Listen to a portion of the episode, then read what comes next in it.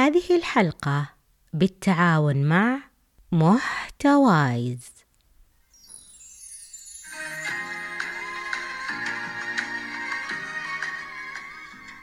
كلها أيام معدودة ويحل علينا ضيف عزيز على المسلمين في جميع بقاع الأرض.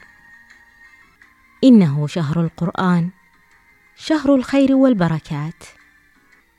ها هي نسائم رمضان.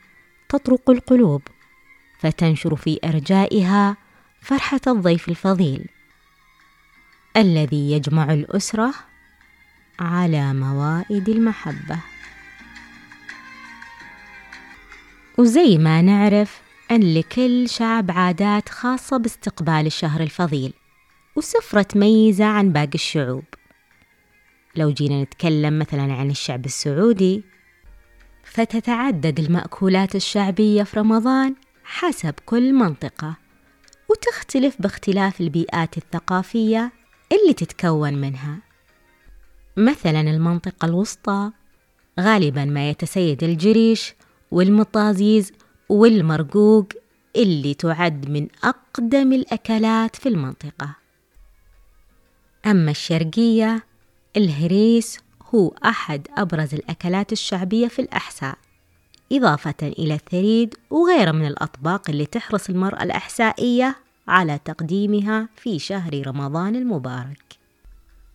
ولو اتجهنا للحجاز بنلقى تميزها بالعادات الرمضانية مثل تبخير كاسات الموية بالمستكة وتتعدد أصناف المأكولات مثل المظفرة المدشوش والفول المبخر وجنبه الدقة والعيش أبو اللحم.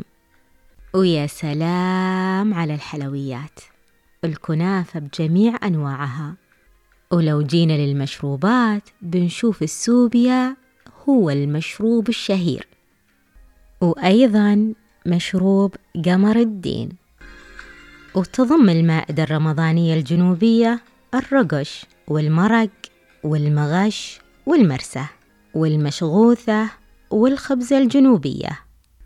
كذلك الحنيذ الذي يشهد حضورا لافتا على الموائد الرمضانية. وفي الشمال الطبق الرئيسي المليحية وهذا الطبق هو أحد الأطباق الأكثر شهرة وكان انتشارها معروف في شهر رمضان المبارك. وعندهم أيضا الكبيبة والرغفان وإذن الشايب.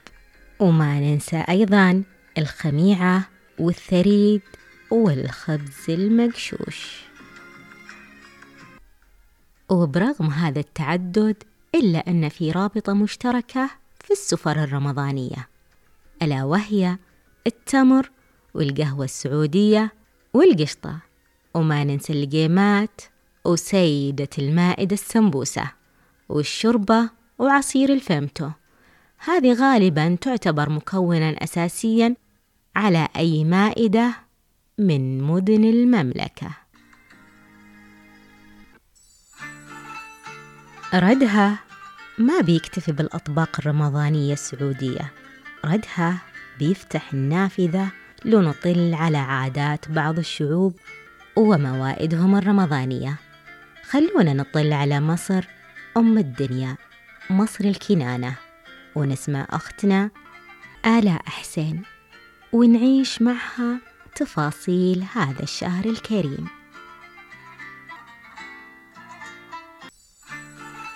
السلام عليكم ورحمة الله. بسم الله والصلاة والسلام على رسول الله. أهلا بكم أخواتي في السعودية والوطن العربي. يا رب تكونوا بألف خير وصحة وسعادة وهنا. ورمضان كريم. عندنا في مصر بنقول رمضان في مصر حاجة تانية والسر في التفاصيل. رمضان يعني أنوار وزينة وفانوس رمضان في كل بيت وأطفال ماسكة الفوانيس في كل شارع وأغاني رمضان جميلة قوي وكل حارة فيها فوانيس وزينة وتلاتين يوم في هنا وسعادة. وقعدة حلوة ولمة حلوة ولازم نعزم بعض ونتعزم والتجمعات العائلية وموائد الرحمن في الشوارع وصوم وصلاة وتراويح ومساجد منورة بزيادة وأغاني رمضان وحوي يا وحوي ويوحى ورمضان جانا أهلا رمضان ويميش رمضان من تمور ومشمشية وقراصية وعندنا لوز وعرقسوس وقمر الدين وتين وحلويات وأهم حاجة عندنا الكنافة والقطايف. ولازم كل يوم على السحور وحلويات كتير. ولازم كل يوم على السحور الفول والزبادي والزيتون حاجة كده تفتح النفس. وعندنا مدفع الإفطار. لازم دي عادة قديمة قوي عندنا في مصر. لما المغرب يأذن المدفع يضرب. نقوم نعمل إيه؟ نكون محضرين السفرة وموضبين المشروبات بتاعتنا ومدفع الإفطار يجي بعد الأذان. نبدأ بقى نشرب التمر هندي والقمر الدين والعرقسوس والخروب وندخل على الأكل كحاجة كده عظيمة من الآخر. سفرة أشكال وألوان وأشهرهم المحشي بأنواعه. مع حمام محشي وممبار ومحشي ورق عنب وجميع أنواع المحاشي اللي تخطر على بالكم. والحاجة الأساسية وملكة السفرة هي الملوخية المصرية. دي حاجة كده ما فيهاش كلام. والمحمر والمشمر وجميع أنواع اللحوم اللي يقدروا عليها واللي ما يقدروش. وطبق طالع وطبق نازل عند الجيران وحاجات حلوة كتير. وكل عام وأنتم بألف خير ورمضان كريم. ويا سلام عليك يا آلاء. فعلا عيشتينا أجواء رمضانية مصرية. من بعد مصر بنروح لأرض الجمال والخير. أرض السمر والنيل السودان الشقيقة. ونشوف إيش راح تحكي لنا تيسير موسى.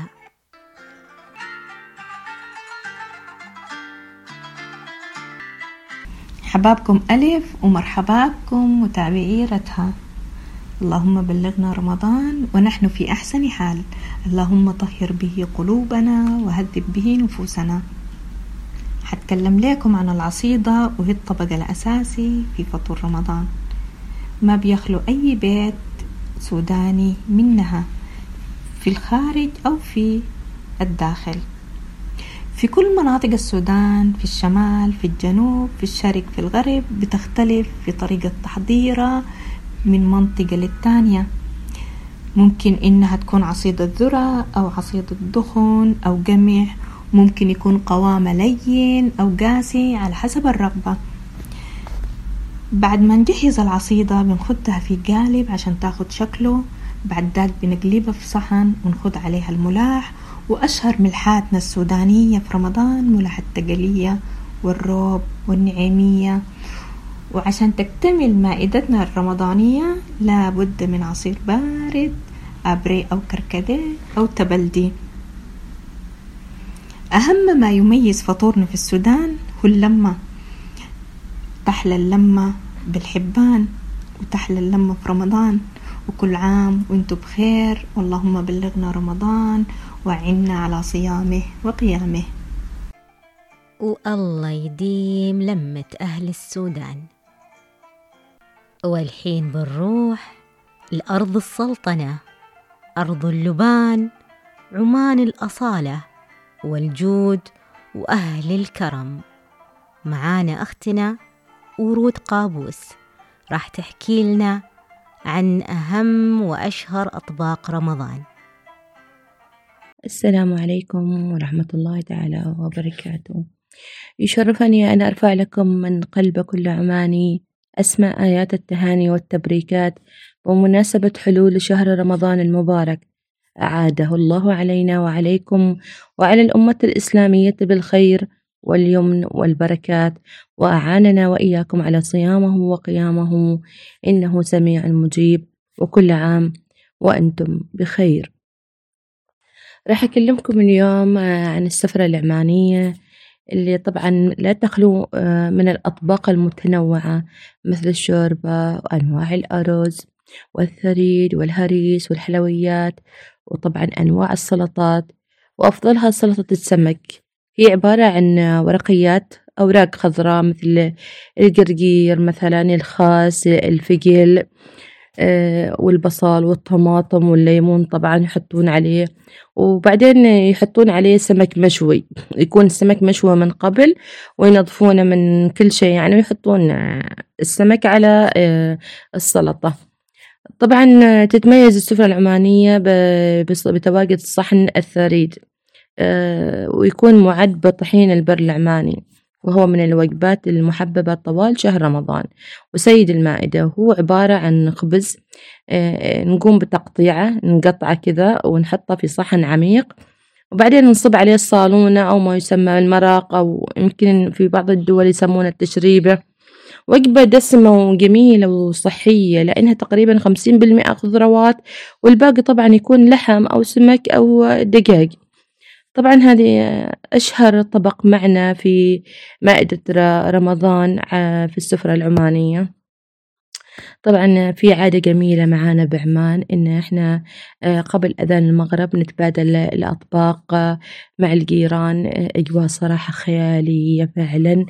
تشوف الأطفال ماخذين أطباقهم ويودونهن من بيت لبيت. جميلة جدا جميل جدا. رمضان دائما يجمع القلوب ويلم الشمل ويجمع الأحبة على سفرة واحدة أجواء روحانية ربانية تحيط بنا طوال هذا الشهر المبارك. اللهم إنك عفو كريم تحب العفو فاعف عنا كل عام وأنتم بخير. سفرة عامرة وأجواء دائمة يا رب العالمين. الآن بنروح لموطن الحسن وبهجة الحواس ديار المغرب الحبيبة الناس الطيبة معانا حياة أعمو راح تكلمنا عن أشهر المأكولات المغربية في شهر رمضان المبارك. ألو مرحبا. مية ألف مرحبا ومرحبا. عواشركم مبروكة إن شاء الله بالمال والهنا والصحة والعافية. كيشرفني بزاف أنني نشارك معكم هاد الطبلة ديال الفطور المغربي الاصلي التقليدي اللي هي أول حاجة الحريرة. ما نعاود لكم شي سلام على الحريرة المغربية اللي ما كتخطى حتى شي دار. وتترافقها الطواجن المغربية البسطيلة الشباكية البريوات. الزميطة يا سلام على الزميطة روعة. داكشي زويون المقبلات العصير المعجنات بيتزا الخبزة الصحراوية المعمرة والعصير الفواكه الحليب بالورد الحليب بالزهر. داكشي تبارك الله غزال وبالصحة والراحة. ويا سلام يا سلام عليكم والله يا أهل المغرب. سفرة عامرة بإذن الله. ختامنا راح يكون من الأرض المباركة أرض الحضارة بلاد الشام سوريا الأردن وفلسطين. راح تكون جولتنا الأخيرة فيها الأرجاء الجميلة مع آيات نور من سوريا وداليا سليمان من الأردن وفلسطين. أهلين وسهلين ومرحبتين. أول شي حابة لكم كل عام وأنتم بخير بمناسبة حلول شهر رمضان المبارك والله يتقبل مننا صيامه وقيامه. وطبعا مثل ما نحن عارفين إن كل دولة طقوسها في شهر رمضان المبارك وخصوصا من ناحية الأكل. فحبيت أعطيكم فكرة بسيطة عن بعض عاداتنا بدولة سوريا. عندنا المسحراتي هو الشخص اللي بدور بالشوارع وبلف بحاراتها وقت يصير موعد السحور مشان يصحي الناس وتصير تجهز لسحورها وتقيم ليلتها. قبل ما أذن الفجر قبل ما أذن الفجر كان يمسك طبلة بإيده ويطبل فيها وهو عم يردد ويقول أشهر عبارة عنده. قوم يا نايم وحد الدايم. كانت العبارة والكلام ووجوده عندنا أثر كبير في حياتنا وذكرياتنا. أما من ناحية الأكل فكلنا عارفين أن أغلب الناس بدول الخليج يكون فطورها شي خفيف مثل الفطاير والجيمات وما إلى ذلك والسحور هو الوجبة الرئيسية مثل الرز واللحم. لكن عندنا في سوريا وجبة الفطور هي نفسها وجبة الغداء الرئيسية يعني أكل دسم بس بتنوع أكبر من الأكل المعتاد بالأيام العادية. مثل الشوربة والسمبوسك شيء أساسي بكل مائدة وبشكل يومي. لكن عندنا أشياء مميزة خاصة بسفرتنا مثل التسقية يلي هي اسمها فتة حمص وعبارة عن مسبحة يعني حمص ناعم وحمص حب وليمون وبعض الإضافات اللي بتنكه الأكلة وبتزيدها لذاذة. وعندنا من الأكلات المعتاد نسويها وممكن نفرزنها كمان قبل رمضان يلي هي الشيش برك عبارة عن عجينة نحشيها بلحم مقلي بالبهارات والبقدونس ونكورها بشكل دوائر صغيرة ونجهز لبن مطبوخ بالنشا بطريقتنا الخاصة طبعا. ونضيفها عليه وممكن تتاكل باردة أو سخنة حسب الرغبة. وماسككم كمان من عصايرنا المميزة يلي هي عرق السوس والجلاب. وبهيك عطيتكم فكرة بسيطة عن طقوسنا في رمضان وأتمنى تكونوا استمتعتوا وأضفتوا معلومات جديدة لقاموسكم. والله يبلغنا رمضان لا فاقدين ولا مفقودين وكل عام وجميعنا إلى الله أقرب.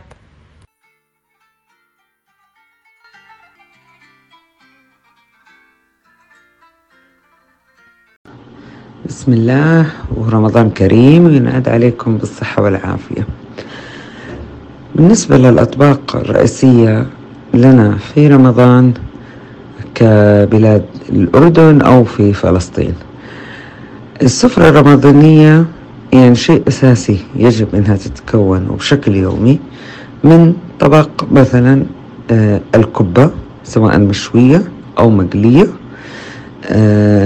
بالإضافة إلى فتة الحمص باللبن والصنوبر والخبز المحمص واللحم المفرومة. هذول يعتبروا كمقبلات أو كأطباق ليست كمقبلات وإنما كأطباق رئيسية. بالإضافة إنه إحنا شوربة الخضار وشوربة العدس آه وطبعا الطبق الرئيسي كمان عندنا المقلوبة سواء مقلوبة بتنجان أو مقلوبة زهرة. المنسف كذلك آه عندنا أكلة القدرة. يعني المهم شيء أساسي يكون الرز. طبعا بالإضافة عندنا أكلة في الأردن اللي هي أكلة المكمورة كمان في رمضان بنحب نعملها. آه عبارة عن آه طبقات من الخبز أو العجين محشية آه باللحم أو الدجاج. وطبعا بتنشوى بالفرن.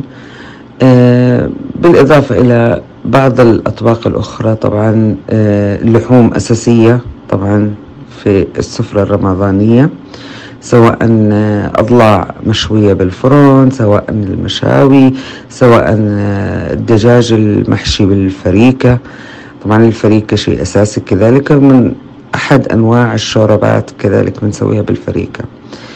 آه كمان بنعمل مفلفل البرغل. آه فهذه الأطباق المهمة عندنا.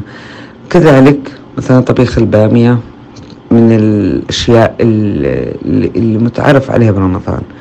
بالإضافة بالنسبة للأشياء أو التحلاية أو الأشياء الحلوة اللي نحبها تكون يعني هي أصلا بشكل يومي لازم تكون موجودة على السفرة الرمضانية اللي هي القطايف.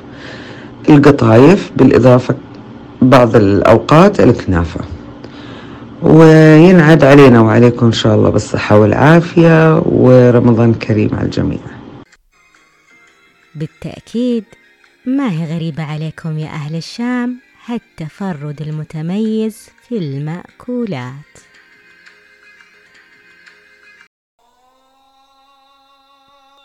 ختاما شهر رمضان شهر الصيام والقيام وتلاوة القرآن. شهر العتق والغفران شهر الصدقات والإحسان. شهر تفتح فيه أبواب الجنات. تفقدوا أحبابكم وصلوا أرحامكم. والله يبلغني وياكم شهر رمضان بإذن الله ويعيننا على صيامه وقيامه ويجعلنا من عتقائه يا رب العالمين. كانت معكم هناء يحيى من بودكاست ردها. دمتم بود